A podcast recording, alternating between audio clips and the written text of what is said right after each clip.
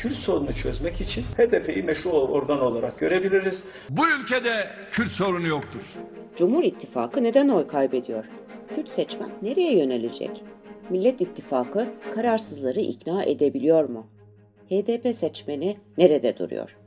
Arka planda kamuoyu araştırma şirketlerinin son verilerini değerlendirmeye devam ediyoruz.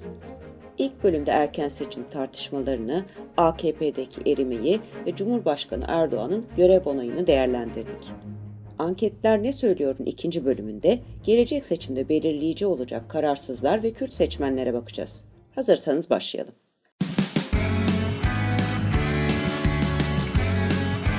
Oku, dinle, izle. Kısa Dalga. Merhaba ben Mehve Şevin. Arka plana hoş geldiniz. Kamuoyu anketleri üzerinden Türkiye'nin nabzını tutmaya devam ediyoruz. Her şeyden evvel şunu hatırlatayım. Her anket %100 doğru söylüyor diye bir şey yok. Hem pek çok değişken var hem de pandemi nedeniyle pek çok şirket telefon ve internet üzerinden anket yapıyor. Anketlerin güvenirliğine, yöntemlerinin önemine ayrıca geleceğim. Fakat önce herkesin merak ettiğine, yani Türkiye'de iktidar değişebilir mi sorusuna odaklanalım. Bir kere tüm araştırmalarda Türkiye'nin en büyük sorunu olarak ekonomik kriz ve işsizlik öne çıkıyor. Bir başka önemli gelişme AKP seçmeni dahil toplumda mevcut sisteme dair mutsuzluğun giderek daha belirginleşmesi. Mevcut sistem derken Cumhurbaşkanlığı hükümet sistemi. Tabi bunda muhalefetin sık sık güçlendirilmiş parlamenter sistem vurgusu yapmasında etkisi olabilir. Yine de bu emarelere bakıp bu iş çantada keklik demek için henüz çok erken. Zaten daha seçime çok var. Eğer tabii bir erken seçim olmazsa. Türkiye raporu anketlerinde parlamenter sisteme %60 civarında destek çıktığını belirten direktör Can Selçuk'i önemli bir uyarıda bulunuyor. Ama şunu görmek lazım. İşler kötü gidiyor ve mevcut sistem vaat ettiği iyileşmelerin neredeyse hiçbirini topluma sağlamadı. Çünkü değil mi 2018'de vaat edilen bize işte kur düşecek, faiz düşecek, enflasyon şey yapacak. Bu yetkiyi bana verin diyordu e, Cumhurbaşkanı Erdoğan. Bu rahatlıkla ben bunların hepsiyle mücadele ederim diyordu. Evet araya salgın girdi kabul ediyorum ama onun yönetimini daha ayrıca tartışabiliriz. Ama sonuç itibariyle Cumhurbaşkanlığı hükümet sistemi 2018'de vaat ettiklerini yerine getiremedi. Dolayısıyla toplum şunu diyor aslında anketlerde bizim anketimize dahil olmak üzere. Bu var olan şey işlemiyor. Mevcut sistemin e, istenilen refahı, istenilen yönetim e, kalitesini üretmediği konusunda toplumda bir e, mutabakat var bu bunu iyileştirmeye de okey olabilir. Yani tamam olabilir toplum bu arada. Yeter ki şey yapsın yani onların refah düzeyi, mevcut problemler, enflasyon, işsizlik, dolar kuru, geçim e, sıkıntısı bunlara bir çözüm üretsin. Esas mesele odur. Sosyopolitik Araştırmalar Merkezi hem Kürt seçmenin ağırlıklı olduğu bölgede sağ araştırmaları yapıyor hem de Türkiye genelinde internet üzerinden nabız yokluyor. Merkezin koordinatörü Yüksel Genç son dönemde yaptıkları anketlerde cumhur sisteminin de bir sorun olarak tarif edilmesine dikkat çekiyor.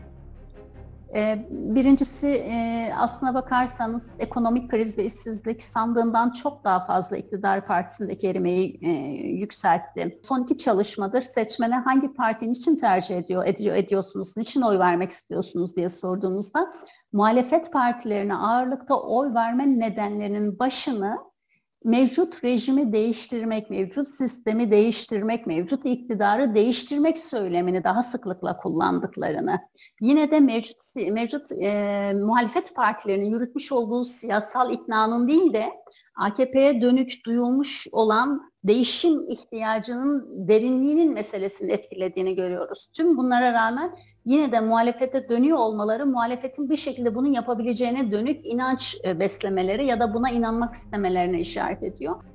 Yüksel Genç'in enteresan bir yorumu var. Seçmenin tüm partilere geleneksel formlarını kırmaya davet ettiğini söylüyor. Bu e, sadece AKP ya da MHP seçmeni değil, CHP ve HDP seçmeni için de geçerli merkezde kalacak, yükselecek ve önümüzdeki dönemde siyaseti belirleyecek e, partilerin hangileri olabileceğine dönük seçmenin açmış olduğu krediye de işaret ediyor. Ve nereden bu kredi açtığına işaret ediyor. evet ekonomik kriz ve işsizlik meselesinin hallolmasını istiyor ama aynı zamanda sistemin değişmesini istiyor insanlar. Ama seçmenin son dönemdeki ilgili partilere yönelmesinin söylediği bir şey var. Bu siyasetlerin kendisinin gelmiş oldukları geleneksel ideolojik form kalıplarını kırmaya davet ediyor aslında. Bu, bu siyasetler o bilinen sınırların dışında söylem kurdukça, e, bilinen e, ve aslında kendilerine çok da yapışmış olan bu elbisenin dışında bir elbiseyle de çıkmaya başladıkça seçmen ilgi gösteriyor. Yani aslında bakarsanız bu seç bu seçimin kendisi seçmenin talep, beklenti, isteklerine bağlı olarak siyasal partilerin, geleneksel siyasal partilerinde değişim sınavı olabilir. Hakikaten de son dönemde açıklanan anketler seçmen davranışlarına dair bazı ezberleri bozacak nitelikte. Metropol Araştırma Şirketi'nin anketine katılan seçmenlerin %53,7'si AKP'nin gelecek seçimlerde iktidardan düşeceğini, %37,8'i ise iktidarını sürdüreceğini belirtti. AKP gelecek seçimi kazanır mı sorusunu yanıtlayan AKP'lilerin %25,7'si de AKP'nin iktidardan düşeceğini söyledi. Eylül 2021'de yapılan bu ankette Metropol, laiklikle ilgili tutumu da soruşturdu. Ankete katılanların %85'i dinin siyasette kullanılması konusunda olumsuz görüş bildirdi. Bu da epeyce yüksek bir oran. Fakat asıl çarpıcı olan şu. AKP seçmenin %72'si Diyanet ve din adamlarının siyasetle uğraşmasına karşı olduğunu belirtti. Bu sonuç AKP seçmenin toptan laiklik karşıtı olduğunu, din devleti istediğini zannedenler için yeterince açık bir mesaj. Aynı şekilde dini ısrarla siyasete bulaştıran siyasetçilere de bir ders niteliğinde. Peki tüm bunlar Cumhurbaşkanı Erdoğan'ın kaybetmeye başladığı anlamına mı geliyor? Can Selçuk'i AKP seçmeni ve kararsızlar konusunda önemli bir uyarıda bulundu. Ya kararsız seçmenin ne olduğuna bir bakmak lazım. Kararsız seçmen biz anket yaptığımızda bir parti söyleyeceğine ben kararsızım demeyi tercih eden e, seçmen. Yani aslında partisiz, fikirsiz, ideolojisiz bir e, seçmen değil. Kararsız seçmen AK Parti'den kopan bir seçmen ve bu bu bakımdan AK Parti eriyor. Bunu kabul ediyorum. Bunu anketlerimizde de görüyoruz ama kararsız seçmeni biz muhalefet hanesinde ölçmeye başlamadıkça bu eriyişin e, ne kadar e, sandığa yansıyacağını yani gerçekten bir seçim olduğunda bu erimenin e, sandıkta da böyle olup olmayacağına dair e, bir şey söyleyemeyiz. Çünkü evet kararsıza gidiyor ama oradan karşı tarafa geçmesi lazım ve biz anketlerimizde bunu görmüyoruz. Şimdi bu birinci tespit. Dolayısıyla evet kara, erime var, kararsızlar var. Çok büyük bir kısmı AK Partili. Fakat eğer böyle giderse mevcut yerleri muhtemelen yine AK Parti olabilir. Ama şunu da biliyoruz AK Parti seçmeniyle ilgili. Onu da söylemek lazım. Ee, oradan da görev onayına geleceğim. Şimdi biz 2011 yılından 2018 yılına kadar bütün seçimlerde AK Parti'nin birinci olduğu 100 ilçenin oy oranlarına baktık. Bu 100 ilçede AK Parti'nin oyu her düştüğünde katılım oranı da düşmüş. Tamam, ne demek bu? Yani AK Partili seçmen memnuniyetsizliğini sandığa gitmeyerek gösteriyor. Yani bu kararsız seçmeni eğer muhalefet ikna edemezse en iyi ihtimalle muhalefet için bu seçmen sandığa gitmez. Tamam Veya e, en kötü ihtimalle yine muhalefet için gider e, AK Parti'ye ve Cumhurbaşkanı Erdoğan'a oy verir. Şimdi buradan da görev onayına ve Cumhurbaşkanı Erdoğan'ın birinci e, çıkışına e, getirmek istiyorum konuyu. Şimdi bu kararsızlar dedim ya öyle partisiz ideolojik isimler değil. E, AK Parti'ye ve Erdoğan'a da kızgınlar ama biz bu kararsız grubunda şöyle bir davranış biçimi de e, görüyoruz. Erdoğan'ın zarar görmesini istemiyorlar. Yani iktidardan gidebilir, Cumhurbaşkanı da değişebilir ama onun ötesinde Erdoğan'ın zarar görmesini istemiyorlar. Çünkü iyi günde kötü günde 20 yıldır beraberler. Ee, evet vakit ayrılık vakti olabilir ama zarar görmesini de e, istemiyorlar e, açıkçası. Bunu biz e, anketlerden değil yaptığımız odak grubu çalışmalarından e, görüyoruz. E, dolayısıyla bu duygu dünyasında Cumhurbaşkanı Erdoğan'ın e, sıralamalarda birinci çıkması son derece e, doğal. Görev onayı Cumhurbaşkanı Erdoğan'ın oy oranı mıdır? Hayır değildir. Cumhurbaşkanı Erdoğan'ın oy oranı görev olayının altındadır. E, bizde de beğenisi e, 4.7'lerde çıkıyor yanılmıyorsam 10 üzerinden. E, ona en yakın gelen e, lider e, belediye başkanlarını kenarda bırakırsak e, Sayın Meral Akşener. E, ama oy oranı tabii Erdoğan'ın daha düşük. Yani 10 üzerinden 4.7 beğeniliyor diye %47 oyu vardır e, yorum yapmak çok doğru olmaz. Cumhurbaşkanı Erdoğan'ın oy oranı şu anda %38-40 bandında.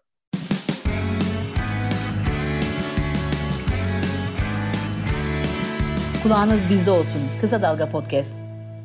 Kürt sorunu çözmek için HDP'yi meşru organ olarak görebiliriz. Bu ülkede Kürt sorunu yoktur. Son dönemde liderlerin Kürt sorunu ile ilgili sözleri hem siyasette hem toplumda yankılandı. Öte yandan HDP ittifakların hiçbirine katılmayacağını açıkladı. HDP seçmeninin zaten ittifakların herhangi birine eklemlenmeyi istemediğini belirten Yüksel Genç, sahadaki gözlemlerini aktarıyor. iktidar siyasetlerinin erimesinde tahmin edilenden sanılandan daha fazla etkili. Çünkü bir, o siyasetten ruhsal, duygusal, iklimsel kopuşun sürecini döşüyor. Ekonomik kriz ve işsizlik meselesi ise bunu geri dönüşsüz hale getirdi ve bir sonuç olarak okunmaya başlıyor. Yüz yüze yaptığımız bölge çalışmasında CHP oylarını iki kat arttırmıştı. Bu çok ilginçti. O artış, o iki kat artış sağlayan seçmen geçişinin önemli bir kısmı daha önce AKP'ye oy vermiş ama uzun süredir kararsız olan Kürt seçmenle ilgiliydi. Yani bölge seçmeniyle ilgiliydi ve bu seçmenlerle ilgili bizim daha önce şöyle bir analizimiz vardı. Bölgede çok uzun yıllardır 1950'li 60'lı yıllardan bu yana aslında bir yüzde 20-25 bizim devletli diyebileceğimiz iktidar olabilecek, merkezde olabilecek bir partiye oy verme ihtiyacı. Ankara ile merkezle kurulan bağlar nedeniyle ve bu, bu oran bir iki birkaç miktar birkaç puan oynasa bile değişmiyordu. Kim iktidar olabilecek soruya yöneliyordu. Uzun süre AKP'ye oy veriyordu bu kesim. İşin içinde Kürt sorunun çözümü ve liberal söylemler de kolaylaştırıyordu bu merkez partilerine oy vermek ve onları iktidara taşımak açısından. Ama son özellikle Kılıçdaroğlu'nun Kürt sorununa dair söylemi ve demokratikleşmeye dair söylemlerinin artış sağlamasıyla beraber kararsız olan bu kesimin CHP'ye yöneldiğini görüyoruz. Türkiye raporu anketlerine göre ise AKP'nin kararsızları daha adresini bulmuş değil. Can Selçuk'i muhafazakar seçmenin henüz karar vermediğini söylüyor. Şimdi CHP e, seçmeninde çok bir değişiklik yok açıkçası. Zaten oyunun bir kısmını İyi Parti'ye e, kaybetti ama işte 23-25 bandında e, CHP gidiyor geliyor. Şimdi CHP'nin taban genişletebileceği alan, yani ne olur da CHP'nin oyları artar? Ona bakmak lazım. Değil mi? Çünkü sonuç olarak e, 100 birimlik oy var e, ve sizin 23-25 biriminizi arttırabilmek için diğer oyunculardan oy çekebiliyor olmanız lazım. Çünkü uzaydan seçmen getiremiyorsunuz sisteme. Şimdi nereden genişleyebilir? CHP'nin genişleyebileceği iki temel alan var. Bir bu memnuniyetsiz AK Partilerden, benim huzursuz muhafazakar dediğim şu anda e, kararsızların içerisinde bulunan ya da e, HDP seçmeninden. Şimdi e, Kılıçdaroğlu HDP seçmene doğru bir hamle yapmıyor şu anda. E, CHP yapıyor ama Kılıçdaroğlu yapmıyor. Çünkü e, sebebi vardır yoktur bilemiyorum. Gerçi Doğu Masası kuruldu. Şimdi gördüğüm, takip edildiğim kadarıyla çok da başarılı işler yapıyorlar. Belki önümüzdeki dönem oradan bir e, oy alma şansı olur e, Cumhuriyet Halk Partisi'nin. Limitlidir ama onu söylemek lazım. E, şimdi birinci genişleyebileceği alan bu. İkinci genişleyebileceği alan da işte bu AK Parti'nin memnuniyetsizleri. E, orada ama CHP'nin ciddi bir kimlik problemi var. Yani CHP orada memnuniyetsizler eğer bu tarafa geçecekse gelecekleri ilk yer CHP değil hatta belki gelecekleri son yer e, CHP. Ondan önce İyi Parti var, DEVA var, Gelecek var, çok durak var. E, yani CHP'ye gelinceye kadar muhalefette. Dolayısıyla CHP her ne kadar performansını iyileştirse de belediyeleri iyi iş yapsa da e, tabanını genişletebileceği alanlar kimlik nedeniyle çok limitli şu anda senelerce o kitle gözünde e, Kemal Kılıçdaroğlu ve CHP şeytanileştirildi. Çok ciddi duygusal bariyerler e, kondu. E bunu siyasi rakipleri yaptı. Evet Erdoğan ve AK Parti yaptı. Ama bunu kırabilmek için de yakın zamana kadar Cumhuriyet Halk Partisi hiçbir şey yapmıyordu. Dolayısıyla hani o kadar uzun senelerde oluşan e, hissiyatlar, fikirler öyle bir günde değişmiyor. Buraya dikkat. Zira Yüksel Genç de AKP'li muhafazakar seçmenin kaybetme korkusuna vurgu yapıyor. AKP'nin Kürt sorununa dair e, politikalarını benimsemeyen ama aynı zamanda ekonomik e, kriz ve işsizlik gibi nedenlerle çıkar alanları konusunda da kendisini garanti hissetmeyen bir kesim vardı. Doğrusu bu kesim e, bir süre için AKP'den bağımsızlaştı, daha e, kararsızlaştığında yönünü Deva Partisi e, ve Gelecek Partisi'ne dönmek istedi aslında bakarsanız. Bugün CHP'ye döndüğünü e, ölçtüğümüz bu oyların bir kısmı aslında oraya dönmek istedi. Ve uzun süre özellikle Deva Partisi'nin hem e, Kürt sorununa dair daha liberal, daha çözümleyici söylemlerini bekledi. Hem ekonomik politikalar açısından ikna edici bir süreç ve toparlayıcı, sinerji yaratıcı bir siyaset kurmasını bekledi.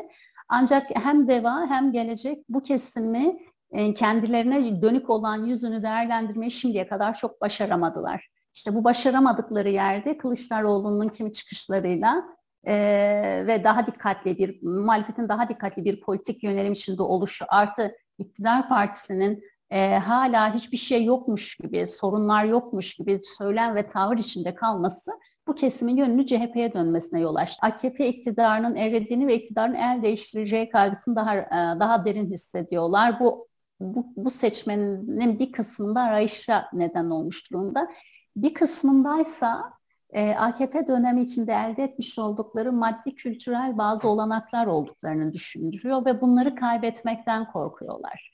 Bu konuda henüz yeterince ikna olmamış bir seçmen var. Dikkat ederseniz Türkiye e, çalışması, AKP kararsızlarının daha önemli bir kısmı hala kararsız. Oysa Kürt, Kürt bölgesinde bölgede yaptığımız, Kürtlerle ilgili yaptığımız çalışmada bu kararsızların yönü belirlenmişti.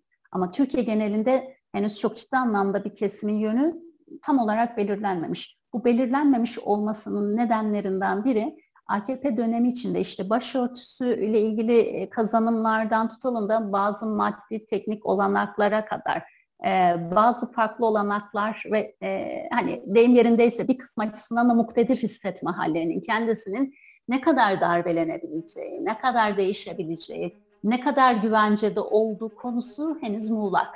Bununla ilgili ikna değil. Gelelim Cumhur İttifakı'nın şeytanlaştırdığı, Millet İttifakı'nın da uzak durmayı seçtiği HDP'ye ve HDP seçmenine. HDP en sadık seçmen kitlesi olan parti olarak öne çıkıyor. Sağ Araştırma Merkezi'ne göre iktidarın dışlayıcı diline tepki duyan HDP seçmeni gelecek seçimde %90 oranında yine HDP'ye oy verecek. Burada önemli bir noktanın altını çizelim. HDP seçmeni sadece Kürt illerinde yaşayan, Kürtlerden oluşan, yoksul kesimden oluşmuyor. Metropollerde yaşayan, şehirli ve giderek orta sınıflaşan, çoklukla Kürtlerin adresi olduğu da doğru. Can Selçuklu'ya göre her ittifakında HDP oylarına ihtiyacı var.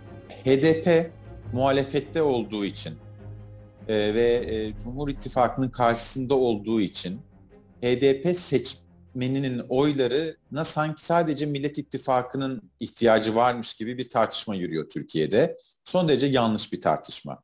Mevcut anketler gösteriyor ki e, HDP seçmenin oyuna e, Millet İttifakı'nın ihtiyacı olduğu kadar Cumhur İttifakı'nın da ihtiyacı var hele hele Cumhurbaşkanlığı seçimi ikinci tura kalacak olur ise o zaman e, Sayın Cumhurbaşkanı'nın da en az rakibi kadar e, HDP oyuna ihtiyacı olacak. Dolayısıyla bir kere bu e, bu yanlış okumayı ya bunun üzerinden işte HDP'nin e, kriminal hale getirilmesi, onun muhalefetle beraber olması üzerinden bir e, algı yürüyor ya Türkiye'de. HDP seçmenin oyuna herkesin e, bir diğeri kadar ihtiyacı var. Bir kere bunu bir net bir şekilde ortaya koyalım. İkincisi e, HDP seçmeni e, artık e, hakikaten %10-11 bandına e, oturmuş bir seçmen. E, yine bizim yaptığımız bir sandık analizinden bahsetmek istiyorum. 2015 yılında HDP'nin 100 oyunun 26'sı Doğu Güneydoğu'dan geliyormuş. 2018 yılında bu oran %22'ye düşmüş. Buna mukabil 2015 Haziran'ından bahsediyorum. 100 HDP oyunun %26'sı Marmara bölgesinden gelirken %32'si 2018'de Marmara bölgesinden gelmiş. Niye bunu tarif ettim? İki sebebi var. Birincisi sanıldığı gibi e, sadece belirli bir e, Kürt kökenli seçmene hitap etmenin ötesinde e, de, oradan çıkmış HDP şehirli e, ve e, şehirli Kürtlere de Kürt kökenli seçmene de hani solcuları ve sol liberalleri bir kenara koyuyorum. Onlar şeyin içerisinde çok büyük bir yüzdeyi oluşturmuyor zira e, oy oranı içerisinde. Ama şehirli e, Kürt kökenli vatandaşları da dan da oy e, alabilir hale gelmiş HDP. Birinci önemli olan bu. İkincisi de HDP için e, sürekli bahsettiğimiz o emanet oylar e, artık emanetten çıkıp yedekten çıkıp asil olmuş. Yani örneğin bugün e, baraj 7'ye düşürülse de ben örneğin HDP'nin oyunun çok düşeceği kanaatinde değilim.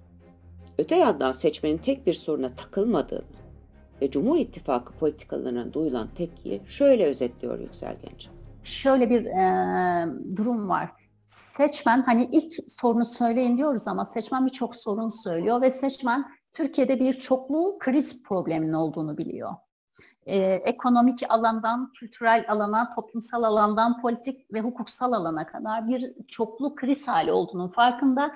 Birini söylerken ama buna da şu neden oluyor. Şunu halletselerdi bu olmayacaktı demeye başlıyor. Tekil bir şey söylemeye çekiniyor.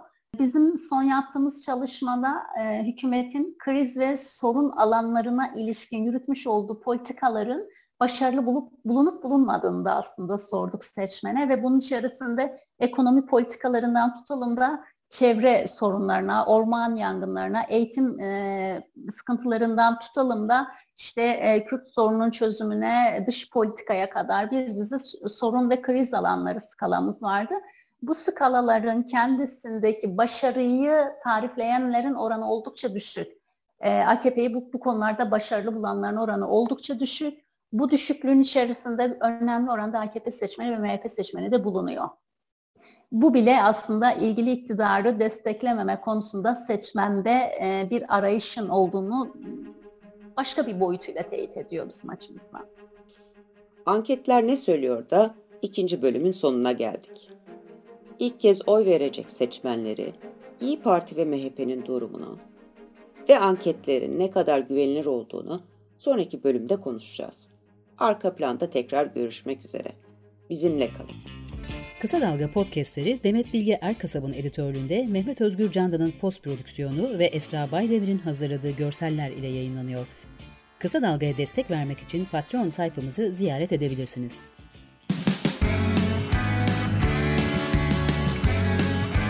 Oku, dinle, izle. Kısa Dalga.